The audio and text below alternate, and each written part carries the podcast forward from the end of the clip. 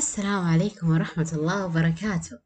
حياكم الله في بودكاست صباحات الحنين. هذا البودكاست يمكنك بإذن الله بمفاتيح وأسرار النجاح الشخصي بكل واقعية. كل حلقة تحمل درس وكل درس هو مفتاح. أتمنى تبدأ فيه رحلتك في الإنجاز والتطوير.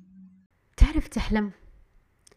تعرف تشوف نفسك بعد خمس سنوات بعد سنة أو بعد بكرة؟ تقدر تشوف نفسك محقق أحلامك وسعيد في أيامك؟ تقدر تتصور سيناريو الاحتفال فيك؟ تقدر تتصور مظهرك وأنت محتفل بإنجازك؟ إذا تقدر تشوفها في خيالك أنت أكيد تقدر تحققها. تقدر لأن الله أكرم بكثير من أنه يرزقك القوة على التصور وما يرزقك تحقيقه. كل ما في الأمر أنك تحتاج تبدأ. ابدأ وكن فارس أحلامك وقودها للنهايات الجميلة وصلها لأقصى إنجاز. أحلم. أحلم أكثر واجتهد أكثر وأكثر. ما في أحلام تتحقق بدون تعب. التعب في سبيل تحقيق الأحلام متعة. أصلا ما تحس بالحياة إلا إذا تعبت عشان نفسك. يلا نتصور أنفسنا. ونكتب طريقة وصولنا لهذا التصور. نهدف ونخطط ونعمل حتى نوصل.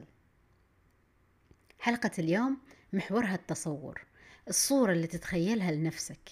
الصورة اللي تشوف فيها مستقبلك. هي أهم جزء في تحركاتك لليوم. أكيد قد صارت معاك وقلت إنك حتقدر وقدرت. وصار معاك إنك قلت راح أجيب العيد مهما كان مفهومك للعيد وجبته. وكم مرة عدت قلت أصلا كنت حاس إنه حيصير كذا؟ وصار قدوتك الكبيرة محمد صلى الله عليه وسلم. تصوروا دائما إنه هذا الدين اللي هو يحمل رسالته راح ينتشر. وخرج من مكة إلى الطائف صلى الله عليه وسلم وقوبل من أهل الطائف بالحجارة. رموا الأطفال بالحجارة تعذب وجلس حزين وأتى الملك يقول له يا محمد إن شئت أن أطبق عليهم الأخشبين. وقال له لا لعل الله أن يخرج من أصلابهم من يشهد أن لا إله إلا الله وأن محمد رسول الله. تصور يراه محمد صلى الله عليه وسلم لرسالته. وكذا أنت إذا كنت تشوف نفسك أو تشوف لمشروعك النجاح والقوة راح تتخطى كل الصعاب عشان توصل للصورة اللي أنت شايفها والصورة اللي أنت مؤمن بيها. في الحديث القدسي يقول الله سبحانه وتعالى أنا عند ظن عبدي بي. يقول ابن مسعود رضي الله عنه قسما بالله ما ظن أحد بالله ظن إلا أعطاه ما يظن لأن الفضل كله بيد الله سبحانه وتعالى. السؤال الآن هل التصور يشبه الأحلام؟ لا التصور يختلف عن أحلام اليقظة. كلنا نحلم أحلام يقظة بس مفتاح النجاح مو في الأحلام. الأساس في التصور هو الصورة اللي تتخيلها بالتفصيل واللي تحكيك عن نفسك وعن توجهك وعن حلمك بعد كم سنة. تخيل لو كنت راح تبني بيت بس ما عندك تصميم جاهز أو فكرة واضحة كيف راح تبني هذا البيت؟ التصور يشبه الأحلام في إن كلهم خيال لكن التصور واضح محددة تفاصيله وإيمانك في إمكانية حدوث هذا التصور عالية.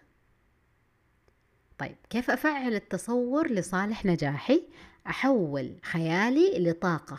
أقدر أشحن فيها تصوري الذهني عن نفسي وعن مهاراتي وعن أدائي. لو فرضنا أنك تعيش علاقة جميلة.